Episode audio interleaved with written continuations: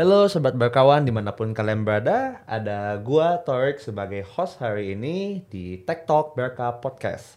Dan hari ini gua udah bersama Mas Lukas. Lukas, boleh dijelaskan mungkin Mas Lukas berasal dari mana? Uh, saya Lukas dari Virtus Teknologi Indonesia as a System Engineer. Sistem Kebetulan engineer saya untuk. Untuk spesialis di Fandi. Uh, betul. Ya, gitu. Berarti kalau boleh tahu Mas, berarti hari ini kita akan akan bahas soal uh, Unified Endpoint Management. Betul. Iya, kalau nggak salah ya. Benar ya? Oh iya, benar. Oke, kita hari ini akan bahas soal Unified Endpoint Management. Makhluk apa itu? Makanan apa itu? Ya, jujur kita hari ini kita akan menggali banyak dari Mas Lukas. Jadi, Mas Lukas, mungkin boleh nggak dijelasin sebenarnya itu makanan apaan sih? UEM itu ya? UEM kan ya benar? ya? Untuk UEM sendiri atau Unified Endpoint Management itu merupakan aplikasi yang membantu untuk memanage perangkat device mulai dari laptop, PC, server dan mobile device. Memanage itu maksudnya uh, kita uh, mencatat aset inventory-nya, kita membantu untuk memanage install aplikasi atau uninstall, kemudian patching juga. Hmm, gitu. Jadi dia membantu sebuah devices untuk bisa eh, istilahnya patching tadi ada install aplikasi dan juga memanage sebuah perangkat devices gitu ya. Betul. Heeh. Eh, berarti kan gini ya Mas ya. Maksudnya kalau kita ngomongin unified endpoint management gitu ya, kita ngomong kita bisa patching, itu kan bisa dilakukan sama tim IT sendiri kan ya Mas ya. Betul. Maksudnya kenapa sih kita sampai harus butuh makhluk ini gitu si UIM itu? Karena kalau misalkan kita mau memanage jumlah perangkat device yang akan dimanage itu kan biasanya lebih dari satu. Sementara kalau tim IT di head office mungkin eh, nggak sebanyak dengan jumlah device yang dimiliki. Dengan adanya Unified Endpoint Management atau solusi ini biasanya tim IT akan dengan mudah membantu untuk eh, melakukan patching atau memanage aset yang dimiliki yang biasanya asetnya itu lebih dari seribu atau sepuluh ribu seperti itu. Hmm, berarti kalau secara nggak langsung gini ya Mas ya, itu produknya lebih cocok ketika perusahaan itu udah punya banyak devices gitu, Betul. mungkin lebih dari 100 ya, lebih dari 100 devices, ataupun juga perusahaan yang punya eh, anak perusahaan di mana-mana, eh punya cabang anak perusahaan, punya cabang di mana-mana, habis itu dia tim IT-nya cuma misalnya di kota gedenya doang gitu ya. Head office-nya aja biasanya seperti itu. Oke.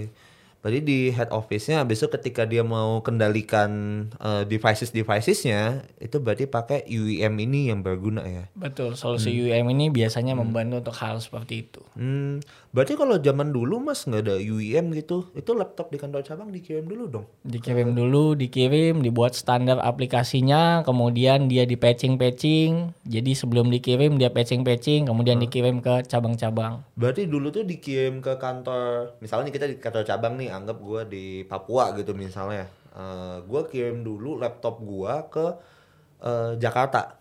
Gitu. Betul, biasanya mereka open tiket kalau misalkan mereka nggak bisa uh, solving masalahnya, mereka kirim ke Jakarta. Heeh. IT Jakarta akan betulin, kemudian dia kirim balik lagi aset yang dimiliki. Buset berapa bulan tuh Mas? Nah, dengan adanya solusi UEM, jadi tim IT-IT cabang itu nggak perlu lagi nunggu kiriman untuk betulin laptopnya. Dia bisa langsung melakukan remote session namanya. Bisa langsung di remote berarti dari tim IT yang ada di head office ke cabang pelosok di mana pun gitu. Betul. Hmm, kalau gitu Mas, ini kan kita berarti udah tahu nih si UIM ini makanan bukan makanan sih gue bilangnya lebih ke produk yang bisa untuk kita kendaliin devices-devices orang-orang di kantor dengan jarak jauh. Betul. Berarti kalau misalnya nih Mas industri yang biasa pakai ini gitu, misalnya yang mungkin pernah Mas pegang atau Mas lihat juga gitu ya. Itu industri apa sih? Kalau untuk industri ya contohnya eh, rumah sakit. Kenapa? Rumah sakit kan biasanya cabangnya ada cukup banyak. Jadi tiap-tiap rumah sakit itu biasanya ada eh, komputer-komputer atau mungkin PC-PC atau laptop. Nah, biasanya kita install atau kita eh, rekomendasikan menggunakan solusi dari UEM ini. Di mana solusi ini dia bantu untuk manage mencatat asetnya ada di mana saja. Cabang-cabang rumah sakit tertentu punya device-nya apa saja, berapa saja dan ketika terjadi masalah atau error aplikasi uh, tim IT supaya bisa dengan mudah untuk melakukan remote session untuk Remote- solving Remote session ini berarti di start dari raise ticket ya. betul Nah, raise ticket raise ticket, habis itu tim IT-nya yang akan kendalikan jarak jauh. Eh, bukan kendalikan sih, lebih ke Bantu solving. ngebantu solving isu di laptop itu ya. betul Gitu. Kalau ini Mas, gue pernah dengar nih yang agak mirip produknya ya, itu MDM, Mobile Device Management. Itu beda nggak sih atau Jadi- improvementnya gitu ya? Oke, kalau MDM ya bisa dibilang improvement. Kenapa? Hmm. Karena MDM itu kan memang dia mobile device management, di mana mobile device management itu gabungan sama endpoint management, PC, laptop. Hmm, Berarti dia buat solusi baru namanya UEM. Ada MDM dulu startnya, habis itu ditambah PC, HP, laptop, Betul. baru jadi eh, UEM. Unified Endpoint Endpoint, Management. Management. Oh, Betul. Oke, oke, oke, oke. Kalau ini soalnya mas, eh, mungkin berarti tadi kita udah nangkep itu kita bisa nge-remote barangnya, bisa juga kita kendalikan. Jadi kita nggak perlu lagi kirim barang kita ke tim IT yang ada di ibu kota atau di kota besar, kurang lebih gitu. Kalau misalnya nih mas, kita ambil dari segi bisnis gitu ya, itu berarti kita bisa eh, mencegah pegawai, misalnya nih kita pakai UM ini di kantor, let's say kita pakai di perbankan, kita punya banyak ratusan laptop gitu ya.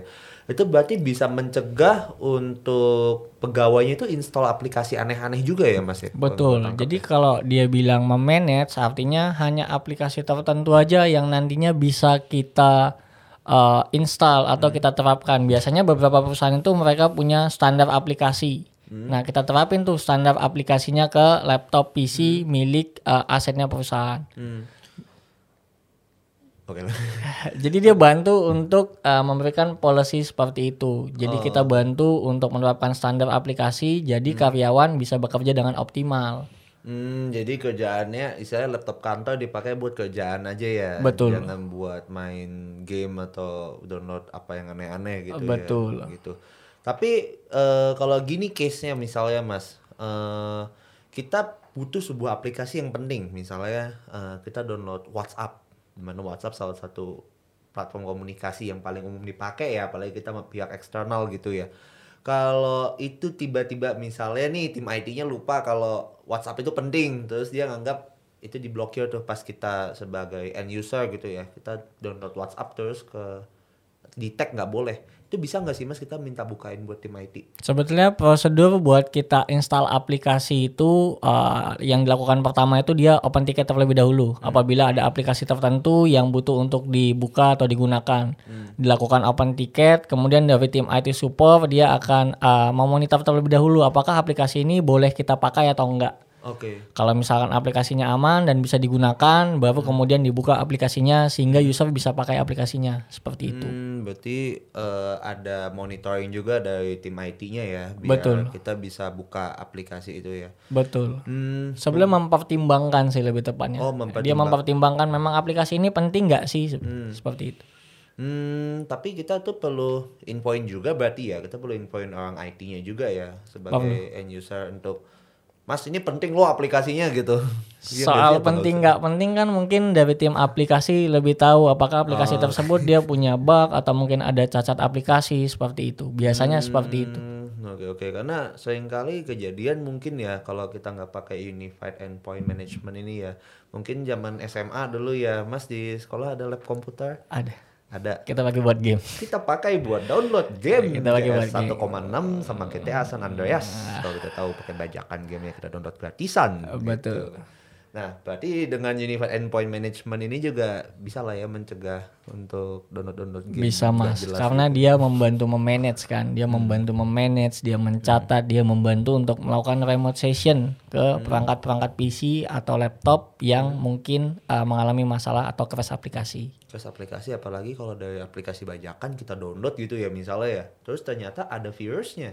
Itu kalau soal security gimana tuh Mas di Unified Endpoint ini? Kalau dari sisi security yang tadi dia Hmm. punya ban- uh, dia punya fitur buat bantu uh, blok aplikasi, whitelist Hmm. dan blacklist aplikasi, kemudian dia juga bisa bantu untuk blok flash disk. Jadi Oh, apabila uh, ada customer yang Hmm. copy flash disk, eh, copy data ke dalam flash disk, kita bisa bantu buat blok untuk mencegah apa? Mencegah misalkan ada data-data penting yang mau di copy ke flash disk atau mungkin ada malware di dalam flash disknya seperti itu kita bantu buat cegah. Oh, berarti selain dia buat uh, menjaga aplikasi biar enggak maksudnya nggak ada aplikasi yang nggak jelas bajakan masuk, dia juga bisa menjaga data di drive laptop itu nggak keluar maksudnya. Betul. Ya, mas ya. Betul. Karena ya balik lagi ketika kita colok flash disk kan ada dari nyolok aja itu udah ada resikonya ya. Ada kemungkinan. Udah ada resiko kemungkinan entah malware atau virus atau apa gitu yang masuk kan ya. Betul. Gitu ya.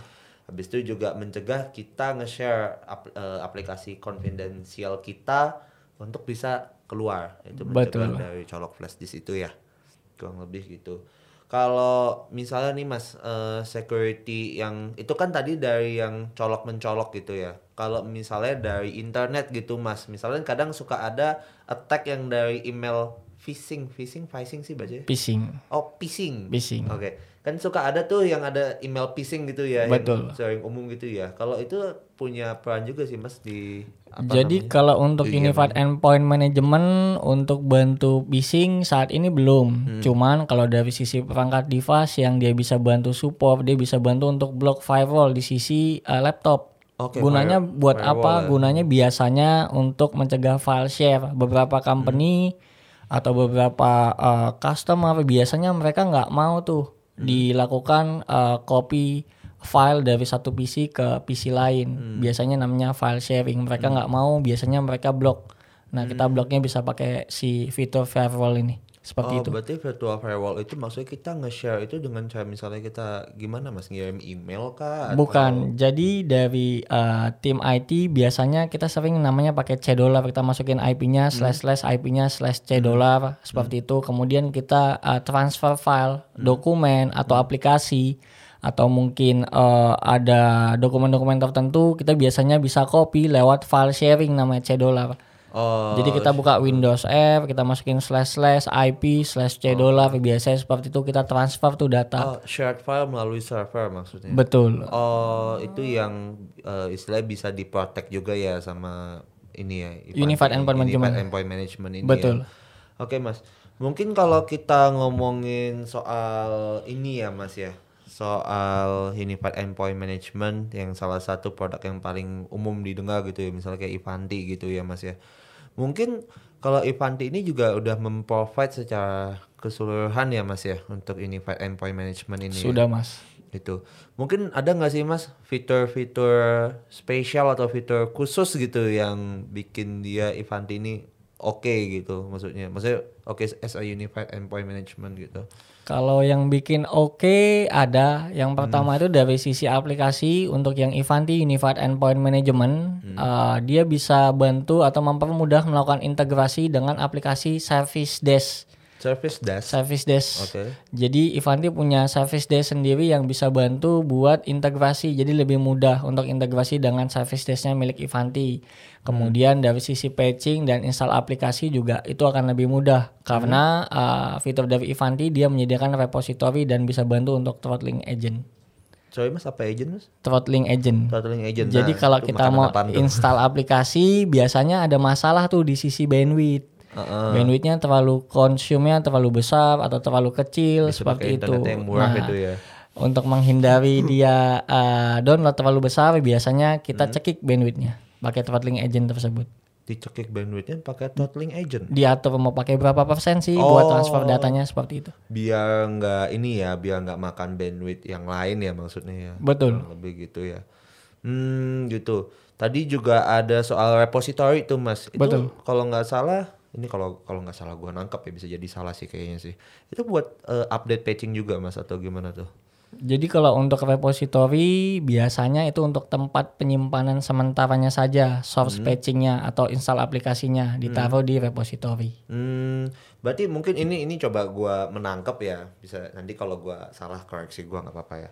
Uh, gua ngelihatnya berarti uh, repository ini itu dipakai buat nge istilahnya kan kita punya banyak uh, laptop devices di mana-mana. Betul. Let's say gitu.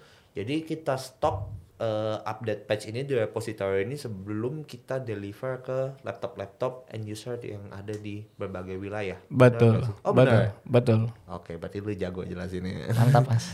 Mantap. Oke, kalau gitu mungkin soal ini sih Mas, ke depannya nih kalau lu lihat gitu misalnya ya uh, Unified Endpoint Management gitu. Ya, mungkin salah satunya adalah Ivanti juga gitu misalnya ya. Uh, mungkin boleh di ini lihat kasih lihat slide-nya mungkin. Oke, okay, soal ini ya. Oke, okay, ini berarti ini salah satu UEM yang paling common dipakai itu Ivanti ya. Betul. Ini uh, ini feature-featurenya mas ya berarti ya? Betul, ini feature-featurenya hmm. yang biasanya disediain sama aplikasi UEM. Hmm, berarti oh berarti dia juga uh, lengkap juga ya dia ada tadi mobility management kita udah bahas, monitoring agent kita udah bahas. Ini kalau power management itu maksudnya gimana mas? Dia Jadi kalau untuk power management biasanya kita kasih policy nih, hmm? selama berapa lama perangkat PC laptopnya nggak uh, ada action atau nggak aktif dia akan langsung sleep atau hibernate atau hmm. kita juga bisa bantu untuk reboot shutdown atau wake up online hmm, itu gitu. untuk fiturnya hmm, tadi yang remote kita udah bahas ya software license itu berarti kita nggak boleh uh, install yang bajakan ya maksudnya mas ya? kalau untuk software license dia bantu untuk menghitung. Jadi uh, Ivanti bantu untuk catat aset-aset yang dimiliki. Dia hmm. catat aset-asetnya kemudian software license monitoring ini dia bantu untuk mengcompare license yang dimiliki itu jumlahnya ada berapa dan berapa yang uh, saat ini sudah kita beli. Hmm. jadi dia bantu untuk menghitung license kita ini tahun depan butuh ada penambahan atau tidak seperti itu Hmm, gitu. Oke, kalau misalnya nih Mas, ada yang agak unik nih kalau kita lihat ya, uh, sobat berkawan ya, itu ada cloud service management. Berarti ini udah uh, link sama cloud juga Mas atau gimana? Sebenarnya kalau cloud enggak. Jadi kalau untuk uh, cloud service management atau cloud service appliance biasanya namanya dia bantu untuk memanage atau melakukan perubahan policy apabila perangkat device tersebut berada di luar dari jaringan LAN dan WAN. Oh, Oke, okay. berarti dia connect ide itu ke private cloud gitu misalnya. Betul, oh. bisa seperti itu. Dia berarti ngebantu manage untuk perangkat-perangkat yang akan connect via private cloud. Uh, bisa lewat uh, private cloud, bisa juga misalkan nih, kan sekarang kita lagi work from home. Uh, oh iya. Uh, sementara solusi dari Ivanti ini cuma bisa berjalan di London One awalnya. Oh, awalnya okay. London One saja. Nah, gimana cara kita untuk melakukan remote apabila ada customer atau mungkin user yang uh, mengalami masalah, hmm. tapi dia lagi di rumah nih. Uh kita ngeramatnya bagaimana nah kita butuh tambahan namanya cloud service uh, uh, cloud service apply, uh, cloud service uh, management atau cloud service appliance namanya uh, okay. nah dia bantu untuk tunneling hmm. baru kemudian dia melakukan remote ke perangkat-perangkat PC atau laptop yang ada di luar dari jaringan LAN dan WAN kantor hmm, berarti ya uh, dalam kurung kita bisa nge-remote dengan hanya koneksi internet biasa Betul. Di luar devices, maksudnya di luar koneksi internet kantor gitu. Betul. Ya. Berarti misalnya nih kan kalau zaman sekarang bukan work from home doang mas, work from Canggu, work yeah. from mana ada, pokoknya work from Balikpapan kayak work from Betul. Bali, work from Betul. Lombok gitu ya. Itu berarti udah bisa di manage remote juga. Betul, bisa di manage. Gokil, gokil, gokil. kalau ini nih yang tadi kita udah bahas software distribution, OS provisioning dan migration ini kita udah bahas mungkin kita lebih ke soal security ya tadi ini kita udah bahas soal uh, pelindungan USB juga ya yang tadi yang asal colok itu ya kalau yang antivirus mas misalnya gitu ya yang yang antivirus add-on ini. Jadi itu kalau untuk antivirus hmm. sebenarnya yang disediain atau yang mau diberikan eh, uh, sama hmm. solusi dari endpoint uh, security, dia sediain satu installer dia udah bisa manage agentnya dia juga punya antivirusnya seperti itu. Jadi kalau untuk oh, antivirus, antivirus dia itu dari Ivanti langsung juga? Dari Ivanti dia kerjasama sama Kaspersky atau sama Bitdefender jadi ada oh. dua nanti yang bisa dipilih. Kita mau pakai engine-nya Kaspersky atau Bitdefender dan itu udah sepaket dalam UIM ini? Betul sepaket. Satu agent Berarti atau satu perlu, installer. gak perlu beli license lagi kan ya? Betul. Oke ya lumayan lah kalau gitu ya bisa ngehemat pengeluaran. Sobat berkawan dan kalau kita lihat audit compliance enforcement, ini berarti auditnya itu di ke tim IT atau kita kasih ke tim Nah, biasanya kayak gini. Uh, mereka melakukan audit nih standar hmm. patch yang uh, harusnya diterapkan di salah satu banking hmm. atau salah satu uh, rumah sakit. Hmm. Dia uh, laptop atau PC-nya harus punya standar patch yang paling baru. Hmm, nah, audit okay. biasanya ngecek nih uh, apakah sudah dilakukan patching yang paling baru atau enggak, seperti itu. Nah, fitur dari audit and compliance ini dia bantu untuk memaksa atau mempush policy yang paling baru nih harus punya standar patch A. Dia bantu untuk install semua tuh ke laptop-laptop milik customer. Hmm, berarti dia ya tetap uh, buat ini ya, buat ngechecking apakah softwarenya itu udah comply sama peraturan rumah sakit atau peraturan setempat gitu ya. Betul. Uh, karena kan let's say kayak kita bilang uh, industri pertambangan gitu, auditnya dia punya level aturannya sendiri. Betul. Industri rumah sakit dia punya level aturannya sendiri. Industri perbankan dia punya ada uh, gue nggak tahu nih kalau di perbankan misalnya ada IT OJK atau apa gitu kan ada persyaratan Betul. yang harus diikutin gitu kan. Betul. Berarti ini untuk membantu orang-orang uh, audit tuh biar lebih cepat gitu lah. Ya, Betul. Ya, menerapkan standar sebetulnya. Menerapkan standarnya apa yang harus diikuti oleh industri-industri yang make uh, aplikasi ini. Aplikasi Betul. ini gitu. Oke. Okay. Uh, dan mungkin kalau kita lihat spyware blocking removal, hmm, ini makanan apa ya mas ya? Jadi kalau spyware blocking itu sama seperti uh. Uh, celah keamanan. Jadi dia bantu uh, bukan bantu dia uh, merupakan hmm. uh, aplikasi yang biasanya digunakan untuk mencuri data kita. Hmm. Contohnya misalkan kita uh, buka Facebook atau buka email itu kan kita ada masukin username password. Nah, hmm. Nah si spyware ini dia biasanya aplikasi hmm. yang bantu untuk mencuri data nih. Oh, nah si Ivanti okay. bisa nge-track nih hmm. ada spyware nggak di dalam laptop atau PC uh, milik customer. Hmm, di laptop dan PC ya. Betul. Kalau untuk smartphone mas?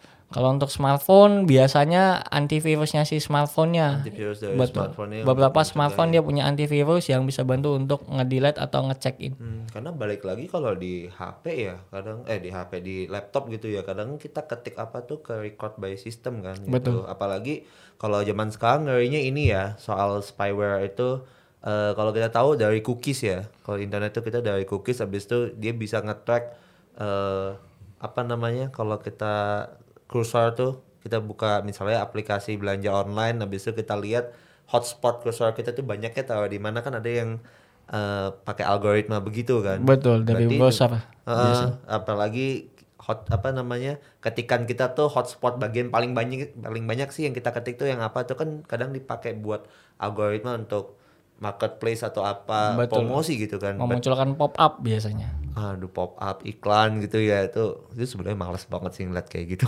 Jujur aja sih. Tapi berarti ini bisa dicegah dengan UEM Infanti ini juga bisa kan? bisa. Hmm gitu. Berarti kalau misalnya nih gue mencoba recap ya uh, baik Unified Endpoint Management salah satunya adalah Ivanti ini ya. Ini adalah uh, salah satu makanan atau salah satu teknologi yang bisa dipakai untuk buat nge-manage uh, hardware atau perangkat-perangkat yang dipunyai end customer di mana pun mereka berada, baik itu di link apa namanya, baik itu link sama produk eh, link sama internet lokal ya, benar kan ya Mas ya? Betul. Link sama internet lokal ataupun juga tadi di luar internet kantornya di mana dia pakai internet apa pun ya Mas ya. Betul. Dan dia juga bisa ngeproteksi baik itu dari segi physical interruption yang itu tadi colok USB sampai yang behavior di internet itu dia juga bisa ngeprotek ya mas ya. Betul. Dan dia juga bisa monitoring uh, produk-produk uh, maksudnya uh, software-software aja apa yang kita pakai pakai uh, tadi ada list whitelist sama list uh, blacklist aplikasi uh, blacklist aplikasi. dan whitelist aplikasinya ya gitu ya. Jadi yang pasti sobat berkawan juga uh, pegawai-pegawainya nggak bisa lah install aneh-aneh kurang lebih begitu Oh iya ada kelupaan satu lagi sobat berkawan uh, kalau kita dari tadi ngomongin Unified Endpoint Management salah satu produknya yang uh, sedang kita bahas hari ini adalah Ivanti ya. Betul. Ivanti sebagai software yang memprovide Unified Endpoint Management secara full baik itu dari device management dan juga di bagian security-nya. Kurang lebih seperti itu yang sudah kita bahas dari tadi mungkin selama 20 menit ada ya. Ada mas. Ada gak sih? Gue gak tahu lagi. Ada mas. ya itu. Oke okay, kalau gitu, uh, thank you sobat berkawan di mana pun kalian berada. Sampai berjumpa di Tech Talk Berka Podcast selanjutnya. Dan jangan lupa like, comment, dan subscribe di channel Berka. Thank you semua. See ya.